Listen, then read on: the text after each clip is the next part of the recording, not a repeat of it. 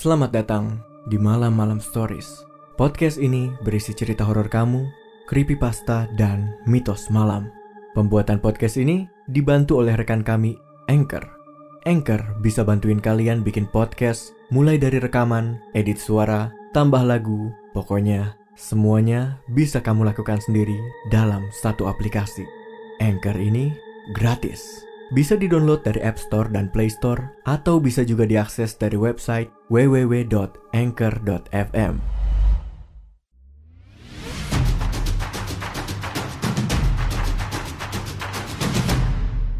Kini Podcast Network.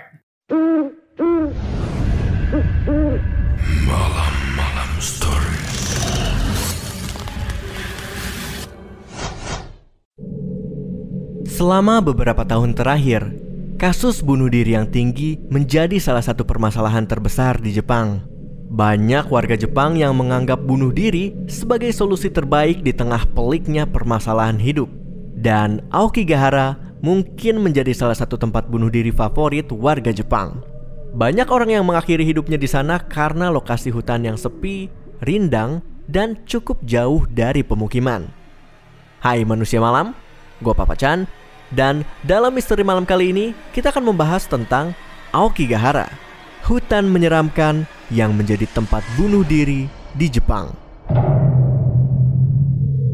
Aokigahara merupakan hutan lebat yang terletak di kaki Gunung Fuji. Hutan ini memiliki luas sekitar 30 km persegi dan dipenuhi oleh pepohonan rindang dengan tinggi rata-rata 3 meter. Lantainya terbentuk dari lava kering hasil letusan Gunung Fuji seribu tahun yang lalu.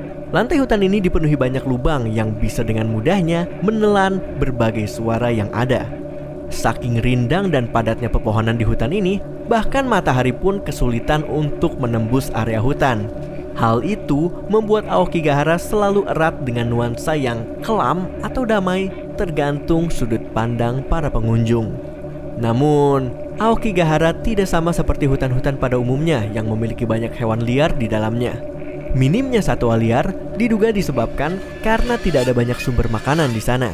Selain itu, Aokigahara juga sempat menjadi tempat pembuangan orang-orang yang sudah berusia lanjut.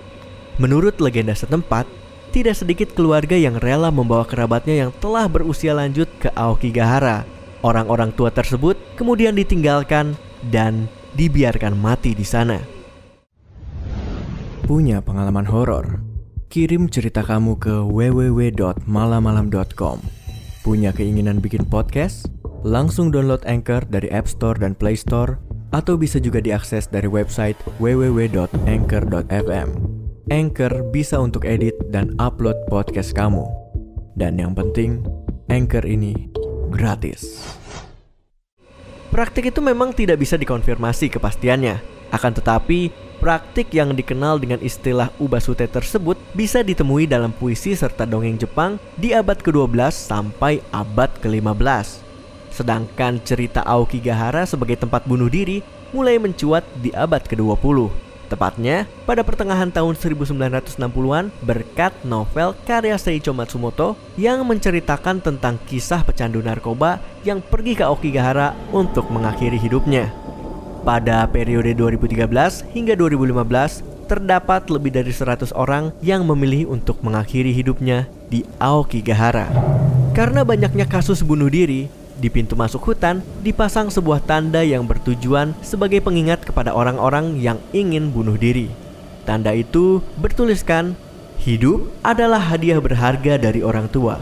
Tolong pikirkan kembali nasib orang tua, pasangan, anak, dan kerabat. Tolong jangan menderita sendirian dan carilah pertolongan."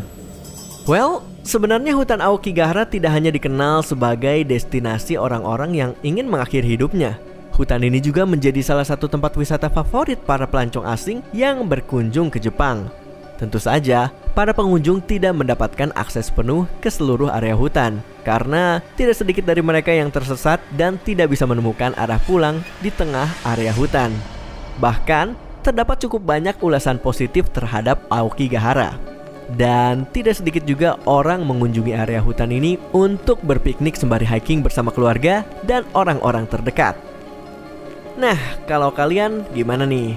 Apakah kalian pernah punya rencana untuk berkunjung ke Aokigahara atau malahan kamu udah pernah datang?